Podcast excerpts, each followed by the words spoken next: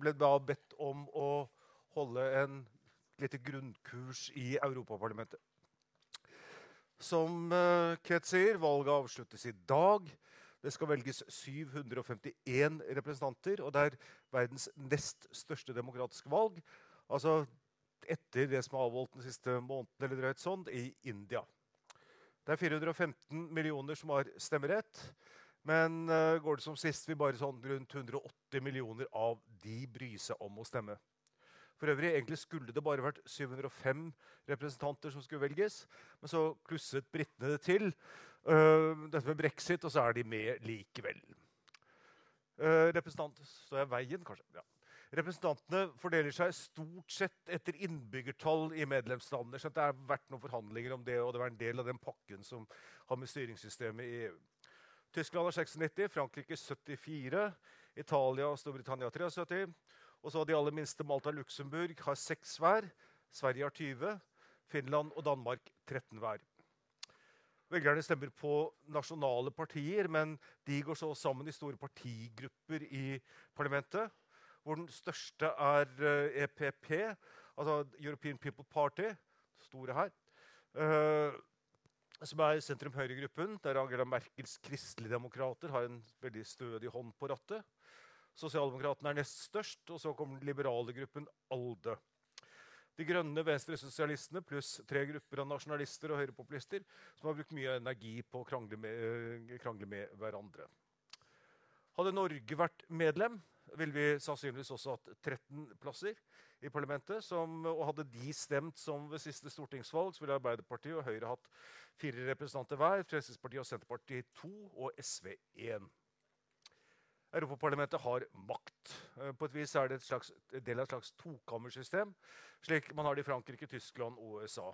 Nye lover og budsjetter skal godkjennes både av parlamentet og av EU-rådet, som holder til inni dette egget her. Eh, på, uh, ved siden av kommisjonen og de andre, men litt unna der parlamentet i Brussel bor. Uh,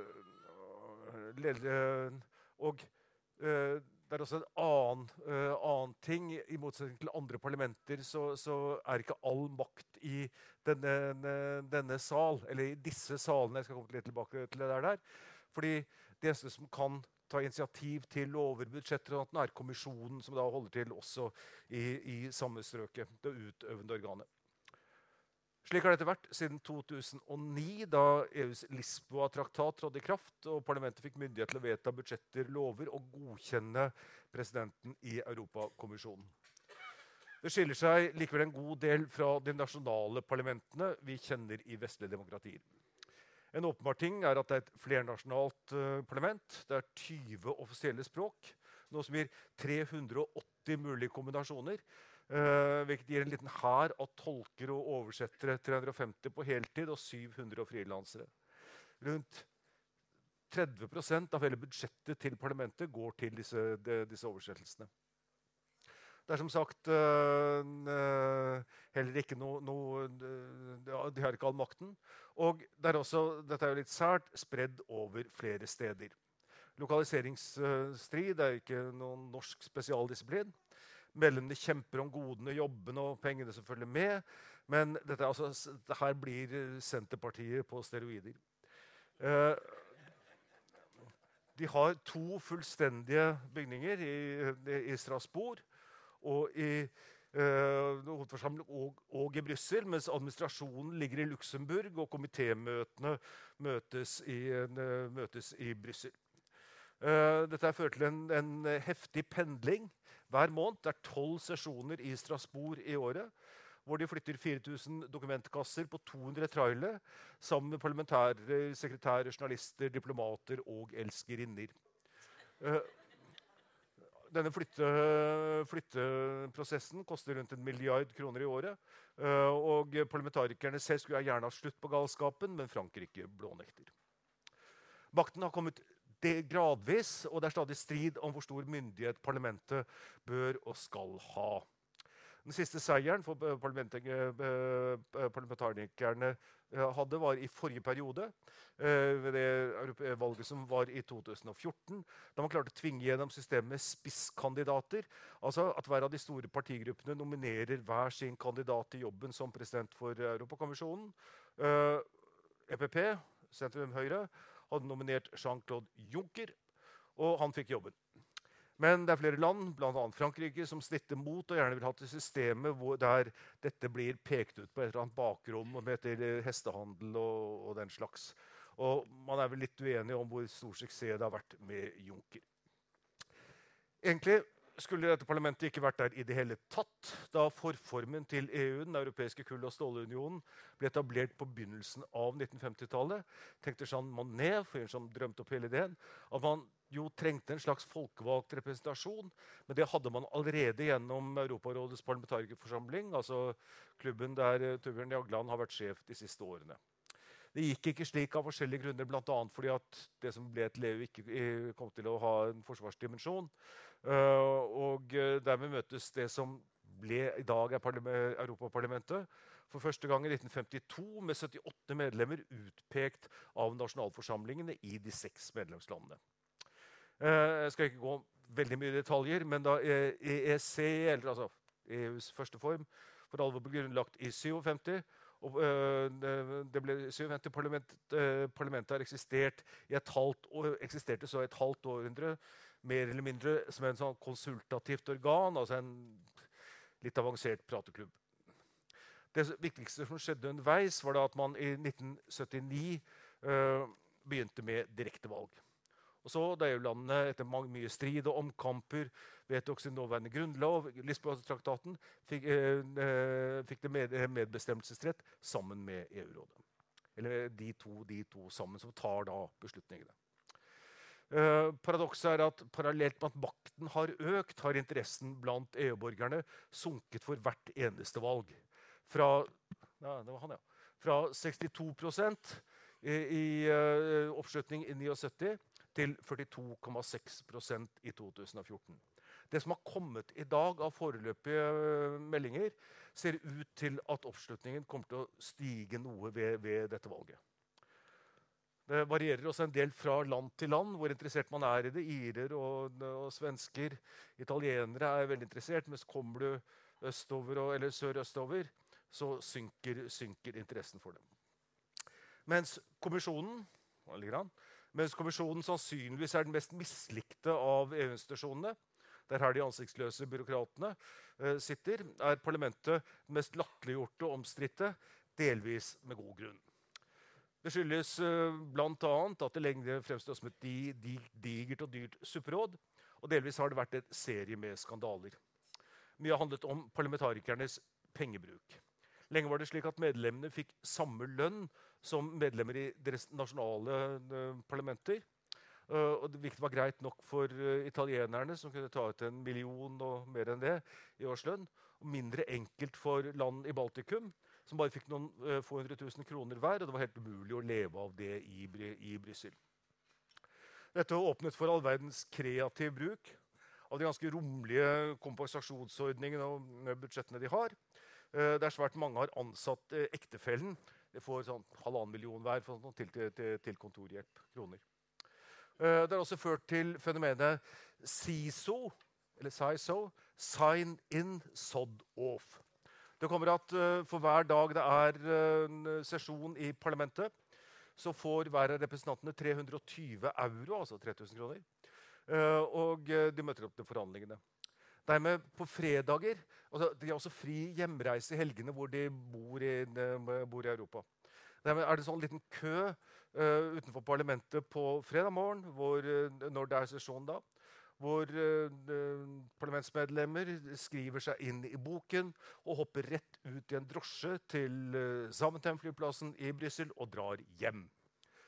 3000 er sikkerhet. Uh, det skal sies at det da er ryddet en del opp i dette regelverket de siste årene. Og I dag får representantene en lønn alle sammen på en lønn hver på rundt en million kroner, med skatt som blir avgjort av hvert medlemsland. En annen innvending er at avstanden til velgerne er blitt følt som svært stor. Valgkampene har ofte handlet om nasjonale konflikter enn om europeiske spørsmål. Og protestpartier gjør det gjerne svært sterkt. Men det er mulig dette er i ferd med å endres. Årets valgkamp der er sagt og skrevet mye om en mulig fremgang for høyrepopulistene har på et vis skapt den første europeiske valgkampen. Og ironisk nok er det de nasjonalistene, altså de som ikke liker EU, som har klart å skape europeisk debatt. Skal man tro meningsmålingene, så kommer høyrepopulistene til å gå ganske kraftig fram. Uh, uh, mens de store partigruppene, EPP og Sosialdemokratene, faller tilbake og mister, uh, mister flertallet. Her er en av, en av, de siste av disse her produksjonene. Altså EPP går tilbake fra 217 til 180. Uh, eh, Alden, liberalgruppen, går frem. De Grønne går frem. Mens Sosialdemokratene også går tilbake, går tilbake. Mens da denne gjengen her, Salvini-alliansen, sjarmtrollene, de, de med å bli De hadde ganske store, store forhåpninger. De dere har anslått at det kan få det kommer litt an på hvordan du regner, hva du regner som EU-kritiker, høyrepopulister, høyrenasjonale. Men sånn mellom 20 og 35 et eller annet sted. Men det er få som tror egentlig de vil få stor innflytelse. De har altfor splittet seg imellom. Og de er fordelt egentlig på, på, hvis vi går tilbake her, altså på tre grupper nedi her, altså som er, er, uh, bruker mye energi på å krangle med hverandre. Og de mener nok alle sammen at muslimer ikke er noe særlig, og at grensene bør stenges. Men de er veldig uenige f.eks. om økonomisk politikk. Populister i Italia mener at Brussel bør sende mer penger. Populister i nord mener at ikke i det hele tatt. Og, så dette her skal ikke bli, skal ikke bli enkelt. Men det er som sagt uh, også ventet at uh, De grønne og den liberale aldergruppen går fram med støtte fra Emmanuel Macrons uh, La République en marche og kommer til å gjøre det bra. så får vi se, da. og så kan også disse høyrepopulistene rammes av den skandalen som kom i Østerrike rett før, rett før valget. Heinz Christian Strache som trakk seg som visekansler, og, og det ble regjeringskrise etter at han ble avslørt i å gjerne ville selge ut landet til Putin. Men altså, dette er mønsteret. Er litt usikker. og Det er, det er noe som, som, kanskje går litt annerledes enn uh, målingene sier. Det vi har, er uh, valgdagsmålinger du har fra Nederland og Malta, vel, som viser en ganske klar fremgang for, for sosialdemokratene. Uh, og uh, som gjør det mye bedre enn spådd, mens nasjonalistene og høyrepopulistene gjør det dårligere. Og det kan hende det har vært en sen motmobilisering fra de tradisjonelle maktpartiene. Uh, og dermed så er det faktisk en mulighet at altså, det vi kommer til å se, sannsynligvis, er at de to største partiene, EPP og Sosialdemokratene, mister det flertallet de har hatt sammen i parlamentet helt siden det eh, ble etablert med, med direkte valg. Og dermed kan de liksom gjøre sånn uh, bakromsdealer. Nå kan det bli annerledes, og det er faktisk mulig at Frans Timmermans, som er spisskandidaten for Sosialdemokratene, nederlender, kan ende opp som EUs toppsjef og at uh, Europakommisjonen for det første gang i dette årtusenet får, dermed får en leder fra venstresiden. Favoritten er uh, Skal vi se Nei, han! Han! Som ingen vet hvem er. Manfred Weber, som har vært ledelsen for EPP-gruppen i parlamentet. En veldig ukjent figur. Vel den første som eventuelt blir, blir leder i EU-kommisjonen som ikke har regjeringserfaring fra sitt eget land eller har vært statsminister. Uh, og, som er, det har jo vært vanlig. Men det kan også skje nye ting. Det kan hende at med disse liberale på vippen at hun her, Margrethe Vestager, som vel er Brussel-boblens favoritt altså Hun er dansk tidligere statsråd, modellen for statsministeren i serien Borgen. Eller det kan slippe ut en annen outsider, Christine eh, Lagarde i IMF, som også er nevnt som en mulig kandidat som kommer inn, inn i dette. Dermed valget i kveld vil avgjøre mye. Det som skjer de neste månedene, kan være vel så spennende.